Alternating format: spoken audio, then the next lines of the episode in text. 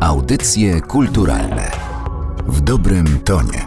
Zajmiemy się dziś Śląskiem, kobietami i literaturą, którą czyta się z satysfakcją. Sprawdziłam. Przy mikrofonie Katarzyna Oklińska. Gościmy dzisiaj autorkę książki Od jednego Lucypera, Annę Dziewit-Meller. Dzień dobry. Dzień dobry, dzień dobry. 300 stron historii dwóch kobiet, które właściwie się nie znają. To dostajemy od ciebie w nowej książce. To powieść bardzo kobieca i jestem przekonana, że kobiece elementy nie są przypadkowe. Czytamy o erze kobiet na traktorach, o trudnym losie Polek Ślązaczek, o żonach górników, w końcu o samej fizjonomii kobiet, która już z samego faktu urodzenia się kobietą mają ciężej w życiu. Odnoszę wrażenie, że los Polek nie jest ci obojętny, a ta książka jest tylko na to kolejnym przykładem po poprzednich. Jest tak rzeczywiście, tak mi się wydaje, że w którymś momencie mojego życia zrozumiałam, że ja bardzo, bardzo dużo nie wiem i że w mojej edukacji jest potwornie dużo białych plam. Te plamy ziejące po prostu pustką dotyczyły kobiet, historii kobiet, miejsca kobiet w historii, wpływu historii na kobiety i wpływu kobiet na historię. Także jakiejś tam mojej własnej, osobistej, rodzinnej historii kobiecej. Wydawało mi się, że po prostu jestem niepełna nie wiedząc tego wszystkiego. I chyba z tych takich ponurych dość odkryć wyniknęły różne moje, moje zainteresowania herstoryczną opowieścią o, o kobietach, o, o Polsce, ale nie tylko. Ja najpierw napisałam rzeczywiście takie książeczki dla dzieci, dwa tomiki. Tomami tego może nie będę nazywała. E, Damy dziewuchy, dziewczyny, historia w spódnicy i podróże w spódnicy. I to są rzeczywiście książki o bohaterkach różnego rodzaju, które mogłyby, mam nadzieję, że tak jest i w sumie mam na to dowody, mogłyby być takimi wzorcami do naśladowania dla dziewczyn i chłopców. Takie opowieści o bohaterkach, które no jakby trochę rozszerzają też perspektywę po prostu patrzenia na historię. A potem zaczęłam pisać tego Lucypera, czyli rzeczywiście taką śląską, mocno osadzoną w tamtym miejscu świata rzecz o takim trochę fałszywym matriarchacie, który jakby dostrzegałam przez, przez lata żyjąc na, na Górnym Śląsku. I też o, no znowu o roli kobiet w bardzo trudnej historii tego regionu. Pamiętam jeden z Twoich felietonów w Tygodniku Powszechnym o feminatywach, czyli rzeczownikach rodzaju żeńskiego, które zostały utworzone od rzeczowników męskich, to tekst mniej więcej sprzed roku. Dowodzisz w nim, że architektki i ministry to naturalna ewolucja języka. W tej książce od jednego Lucypera natomiast na próżno szukać rzeczywistości, w której takie problemy byłyby istotne. Ta książka to jest taka podróż w czasie do rzeczywistości, która się nieco zmieniła. I tak i nie. I tak i nie, odpowiem jak prawdziwy naukowiec, którym nie jestem, to zależy. to jest moje ulubione, ulubione zdanie ostatnio. I naprawdę chyba powinniśmy je częściej stosować, tak w ogóle doradzam wszystkim. Oczywiście te czasy, które ja e, w głównej mierze opisuję w mojej książce, czyli przełom lat 40. i 50. na Górnym Śląsku, no to są niewątpliwie bardzo ciężkie chwile funkcjonowania ludzi w państwie de facto totalitarnym. Moment stalinizmu i to takiego naprawdę potwornie zamordystycznego, moment planu trzyletniego, współzawodnictwa pracy, które zwłaszcza na Górnym Śląsku, w tym przemysłowym okręgu, no wydaje mi się, że, że miało swój jeszcze bardziej krwawy wymiar. Ale ja też mam tam w książce opowieść o współczesnych bohaterkach, o współczesnych kobietach, które ze względu na swą płeć, czy to biologiczną, czy tak zwany gender, mają ciężko, mają trudniej, mają problemy, które być może zdają się przezroczyste dla tych, którzy kobietami nie są, a jednak determinują ich życie w sposób no, niewygodny. Co najmniej, to takie łagodne słowo. Tak jak wspomniałaś, to opowieść dziejąca się równolegle w dwóch rzeczywistościach, współcześnie i nieco wcześniej, w latach 50., 60. minionego wieku. Z jednej strony jest Kasia, która ma problemy iście współczesne, mhm. boryka się z anoreksją, ale także ze swoją tożsamością i nie jest za bardzo emocjonalnie związana ze swoją rodziną. Z drugiej jest cioteczna babcia Kasi, mhm. Marijka, która skrywa tajemnicę, a właściwie to jej życie skrywa wielką tajemnicę, którą tę tajemnicę Kasia na kartkach powieści powoli odkrywa. Wiedziesz czytelników na pokuszenie przez życie tych bohaterek i przez rodzinne dzieje rodu, pokazując, że w każdej rodzinie może tkwić zalążek historii. Skąd ty czerpałaś inspirację do napisania tej książki? Czy to tylko wyobraźnia? Nie, nie, nie, nie. Moja wyobraźnia być może nie sięga aż tak daleko. często rzeczywistość absolutnie przekracza to, co jesteśmy w stanie sobie wyobrazić. To, co powiedziałeś na początku tego pytania, to, że każda rodzina najprawdopodobniej ma w sobie tajemnicę i że mamy jakieś historie do opowiedzenia, to jest absolutnie święta prawda, której jestem wielką e, zwolenniczką i bardzo często na przykład podczas spotkań autorskich, czy to z dziećmi, czy z dorosłymi, namawiam do tego, żeby takie tajemnice odkrywać, jeśli się jeszcze ma z kim porozmawiać, bo to też jest oczywiście kwestia tego, czy te tajemnice są dla nas nadal dostępne, więc radzę się spieszyć z wizytami u babci, prababci, pradziadków, jeśli, jeśli Państwo macie taką możliwość. Ale te tajemnice są obecne w naszych rodzinach także dlatego, że żyjemy w tym, a nie innym miejscu, które Timothy Snyder nazwał skrwawionymi ziemiami. To znaczy, mam takie głębokie przekonanie, że w Polsce po prostu nie ma rodziny, która nie została w taki czy inny sposób naznaczona jakąś traumą, czy to okresu II wojny światowej, czy tych czasów późniejszych. I, że co gorsza, nie rozmawiamy o tym, że to są historie właśnie, tak jak mojej powieści, przemilczane, ukryte, wstydliwe z jakichś być może nie do końca nawet zrozumiałych powodów, ale też bardzo mocno jakby drenujące ludzi z emocji, no po prostu robiące nam krzywdę. Jestem przekonana, że rozmowa zawsze jest lepsza niż brak rozmowy. Jeśli zaś idzie o to, czy ja tę historię tworzę wyłącznie w wyobraźni, nie. Opowieść o Marijce jest dosyć mocno oparta o prawdziwą historię, o rzecz, którą znalazłam w katowickim oddziale IPN-u historię trójki ludzi skazanych za sabotaż przemysłowy w zakładach azotowych w Chorzowie. Takie procesy o sabotaż przemysłowy, w których zawsze znajdował się jakiś kozioł ofiarny, były no niestety dosyć częste w owym czasie. Ten okres współzawodnictwa pracy był wyczerpujący dla ludzi, którzy zostali często rzuceni na jakiś odcinek pracy, nie mając pojęcia o tym, jak zajmować się na przykład tymi maszynami w wielkim przemyśle, bo to byli często przypadkowi zupełnie ludzie na przykład kobiety, które zostały zachęcone do tego, by, by pójść do pracy. Z drugiej zaś strony, no, jakby na Śląsku to wszystko było jeszcze podszyte tym takim narodowościowym elementem, to znaczy Ślązacy byli a priori oceniani jako, jako podejrzani, tak? zwłaszcza jeśli mieli w swoim życiorysie tą trzecią czy czwartą Volkslistę, czy kogoś w rodzinie, kto był w Wehrmachcie, czy nie wiem, kogoś, kto był na robotach przemysłowych, a powiedzmy sobie szczerze, większość była do tego zmuszona. To też nie było tak, że nie, wszyscy ci ludzie szli z, nie wiem, pieśnią pochwalną Adolfa Hitlera na ustach do, do wojny, by walczyć. Ta historia jest historią jak najbardziej prawdziwą. Oczywiście mm, świętym prawem autorki pozmieniałam sobie, co chciałam i jakby to, to jest tylko inspiracja inspiracja. Cała ta historia jest absolutnie fikcyjna, natomiast oparta jakoś tam o, o prawdziwe historie, które w owym czasie niestety miały miejsce.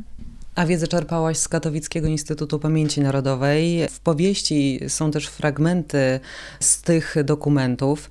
Fakt, że jesteś ślązaczką ma tutaj ogromne znaczenie. Książka pachnie Śląskiem i szczerze mówiąc nie jest to ładny zapach jak się domyślamy, ale pojawia się coś jeszcze. Śląsko-gotko. Bardzo przepraszam, że kaleczę ten język, ale właśnie, język czy gwara? Oto jest pytanie. Nie, dla mnie jest jedna tylko odpowiedź. Jest to język. Jest to język i ja nawet byłam zaangażowana w taki projekt parlamentarny w ubiegłej kadencji Sejmu razem z między innymi posłanką z ówczesnej Nowoczesnej, czyli Moniką Rosą i różnymi działaczami śląskimi, takimi ludźmi, którzy właśnie promują język śląski jako element takiej no, istotnej dla nas tożsamości i staraliśmy się o, o to, by powstała ustawa dotycząca właśnie języka śląskiego. No, niestety nic z tego nie, nie wyszło póki co, może kiedyś to się uda. Tak, ja, ja jednak jestem zwolenniczką tej tezy, że jest to język śląski, ale ja zdaję sobie też sprawę z tego, że są kontrowersje na ten temat, nawet w łonie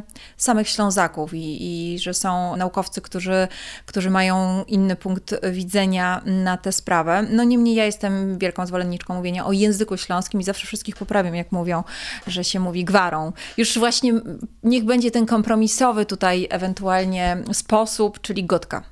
Jak jest gotka, to jest dobrze. Śląski pojawia się w Twojej książce regularnie i dla osób totalnie niezwiązanych ze Śląskiem. Na końcu książki jest taki mini słowniczek pojęć. Ja często z niego korzystałam i często zaglądałam z takim rozczarowaniem, że nie ma wytłumaczenia danego słowa, którego nie rozumiem. To chyba konieczny element, jeżeli pisze się książkę z miejscem akcji na Śląsku, ale żeby tak bez tłumaczenia, nie bałaś się, że trochę odepchniesz czytelnika którzy nie zrozumieją tych fragmentów, jest ich naprawdę sporo. Tak, tak. To są w ogóle ciekawe, ciekawe rzeczy, które mówisz. No myśmy w wydawnictwie mieli oczywiście taką dyskusję, co z tym fantem zrobić, także tam jest jednak ogromna, ogromna część tej książki pisana po śląsku. Ja byłam wielką przeciwniczką robienia takich, wiesz, odnośników na każdej stronie i tłumaczenia i jakby robienia po prostu tłumaczenia z języka na język bo jakoś się uparłam, że no jednak Ślązacy są częścią Polski, polskości poniekąd, na swój bardzo szczególny sposób, co też warto podkreślać. Żyją tutaj i jakoś Państwo się musicie z nimi porozumiewać, więc to też być może wymaga wysiłku z dwóch stron. I uległam tylko w kwestii tego słowniczka dotyczącego już takich naprawdę najbardziej hardkorowych słów, które ciężko jest zrozumieć nawet z kontekstu, więc, więc zrobiłam taki mini, mini słowniczek, zaznaczając, że właśnie dlatego on tu jest, bo decyduje się na to, by nie robić tłumaczenia, bo jednak nie jesteśmy z, nie jesteśmy z zagranicy, nie jesteśmy z innej planety i no, to działa w dwie strony. Są więc dwa ważne elementy: Śląsk i kobiety. Bardzo zawęziłaś obraz zainteresowań, czyniąc tę książkę wbrew pozorom bardzo uniwersalną, choć opowiadającą o jakimś konkretnym miejscu i o jakichś konkretnych osobach. To taki zwrot od globalizacji w literaturze? Ha, w ogóle o tym w ten sposób nie myślałam. Raczej kiedy już ją napisałam i ktoś tam ją czytał i właśnie rozmawialiśmy o takiej lokalności, która jest w tej książce, ktoś mi przypomniał takie słowa chyba Milosza Formana, nie pamiętam, że chodzi o to, żeby zrobić taki film o swojej wiosce, żeby oglądał go cały świat, a nie żeby zrobić taki film o świecie, którego nie zechce oglądać nawet twoja wioska. Więc wydaje mi się, że, że te historie, które pisane są jakby z takiej, takiej bardzo bliskiej perspektywy, one przez to właśnie właśnie są uniwersalne, bo jakby pewne kwestie przeżywamy tak samo, bo jesteśmy ludźmi i mamy podobną emocjonalność i mamy podobne problemy, choć wynikające czasem z zupełnie innych jakby kontekstów i sytuacji. Więc tutaj tym formanem będę się broniła. Zaryzykowałabym takie stwierdzenie, że ta książka od jednego Lucypera to literatura środka, czyli coś z jednej strony ambitnego, ambitna powieść, wielkie tematy, trudne tematy, a z drugiej coś, co bardzo wciąga. W jednym z wywiadów powiedziałaś, że takiej literatury brakuje, może to zbyt daleko idące wnioski przeze mnie wyciągnięte. Można też powiedzieć, że powiedziałaś, że takiej literatury właśnie szukasz. Taki był cel tej historii odtworzonej z dokumentów IPN-u, okraszonej sagą rodzinną?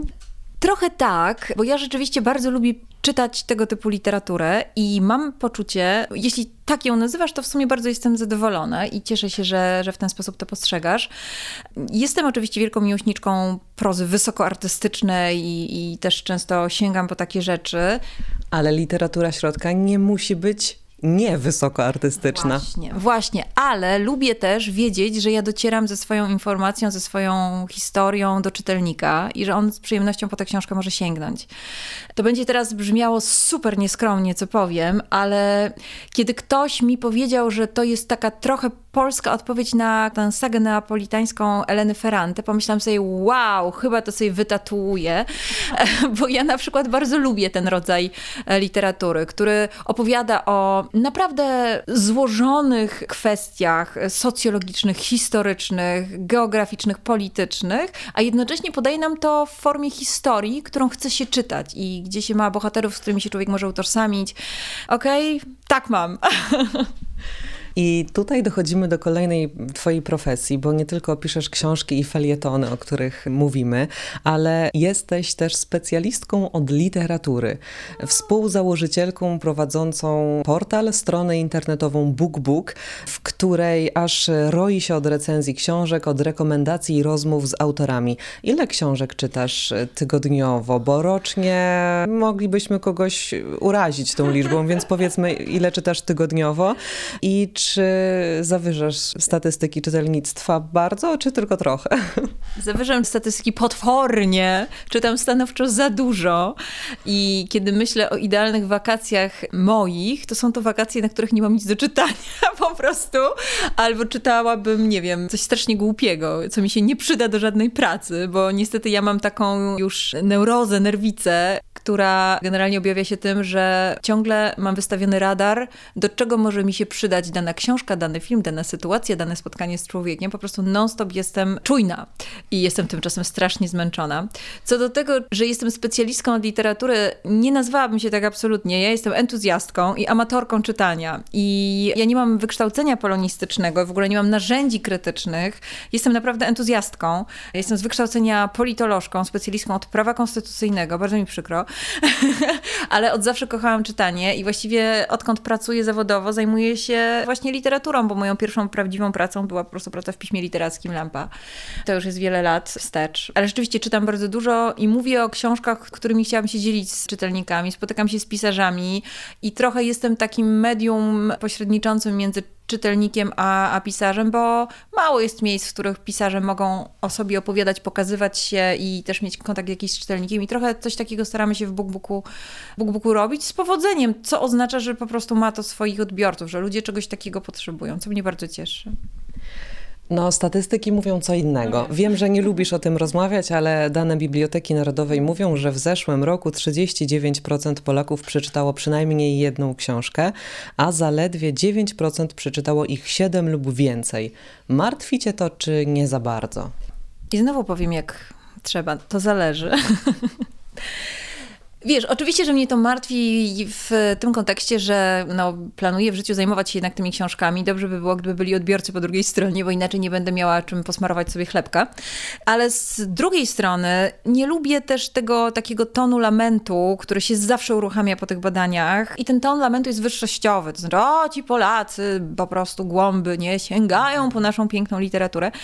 No mnie się wydaje, że jednak trochę sięgają, bo to jest tak, są ludzie, którzy naprawdę są bardzo zaangażowani w literaturę, którzy czytają, którzy chodzą na spotkania autorskie i jest ich trochę, jest ich sporo i naprawdę trzeba ich doceniać. Mówić też właśnie z takim szacunkiem o tych 39%, tak? czy nawet o tych 7%. Naprawdę jakby hołubić ich, nosić ich na rękach, a jednocześnie nie stosować takiej wyższościowej tonacji do mówienia o tej reszcie, bo to powoduje absolutnie tylko i wyłącznie odwrót od miłości do, do książek. Myślę też, że ogromną, szkodliwą rolę w tym wszystkim niestety odgrywa polska szkoła, która każe nam, jak to się mówi, przerabiać lektury. To jest po prostu najbardziej koszmarne sformułowanie, jakie można było wymyślić. I mój syn jest teraz w drugiej klasie szkoły podstawowej, bardzo lubi książki, ale lektury zaczynają mu stawać ością w gardle. I ja się naprawdę zaczynam tym martwić, że zaczął się proces po prostu tracenia super zaczytanego chłopca dla świata książek, że po prostu że coś jest nie tak. No bo skoro ktoś, kto żyje książkami, nagle mówi, eee, to jest bardzo złe i no strasznie, strasznie jest mi przykro, że tego też doświadczę. Nie wiem, czego stracimy dla, dla czytania, lub też jeśli go stracimy, czego odzyskamy. Nie wiem, naprawdę ciężko mi jest odpowiedzieć na te pytania. Ale myślę, że nie w narzekaniu jest rzecz, tylko w takim mówieniu o książkach, żeby było inkluzywne, żeby zachęcało ludzi, żeby mówiło, słuchajcie, to też jest świetna forma spędzenia wolnego czasu, to może być przyjemność. Jeśli nie rozumiesz książki wysokoartystycznej, to trudno, sięgnij po kilka innych, bo oferta jest bardzo szeroka i każdy może znaleźć coś dla siebie. Pisanie w pogardliwy sposób, na przykład o takiej literaturze gatunkowej, doprowadza mnie do jasnej cholery, bo po prostu są ludzie, którzy tego bardzo potrzebują. I no ja, ja w ogóle tak, jestem takim trochę w poprzek tych narzekań jestem. No. Jakby ktoś chciał wrócić do tego świata literatury, to, to uważam, że książka Anny Dziewit-Meller jest świetnym punktem zaczepienia. Na koniec musimy jeszcze wyjaśnić, skąd taki tytuł. Hmm. Od jednego Lucypera to fragment śląskiego przysłowia. Jaka marchew, taka nać, taka córka, jaka mać, jaka matka, taka cera, od jednego Lucypera. I należy tutaj wyjaśnić, że cera po śląsku to to córka. Oczywiście miałam już kilka maili z uwagami od purystów językowych, że mam błąd ortograficzny na okładce. Ale to mnie tak śmieszy, że chyba sobie wydrukuję kiedyś te maile po prostu i poprawiam ramki, bo to jest takie słodkie. Tak, tam ma być Lucyper przez P, bo tak się u nas na Śląsku godo. Bardzo dziękuję za to spotkanie. Naszym gościem była Anna Dziewit-Meller, autorka książki Od jednego Lucypera. Bardzo dziękuję za spotkanie. Audycje kulturalne w dobrym tonie.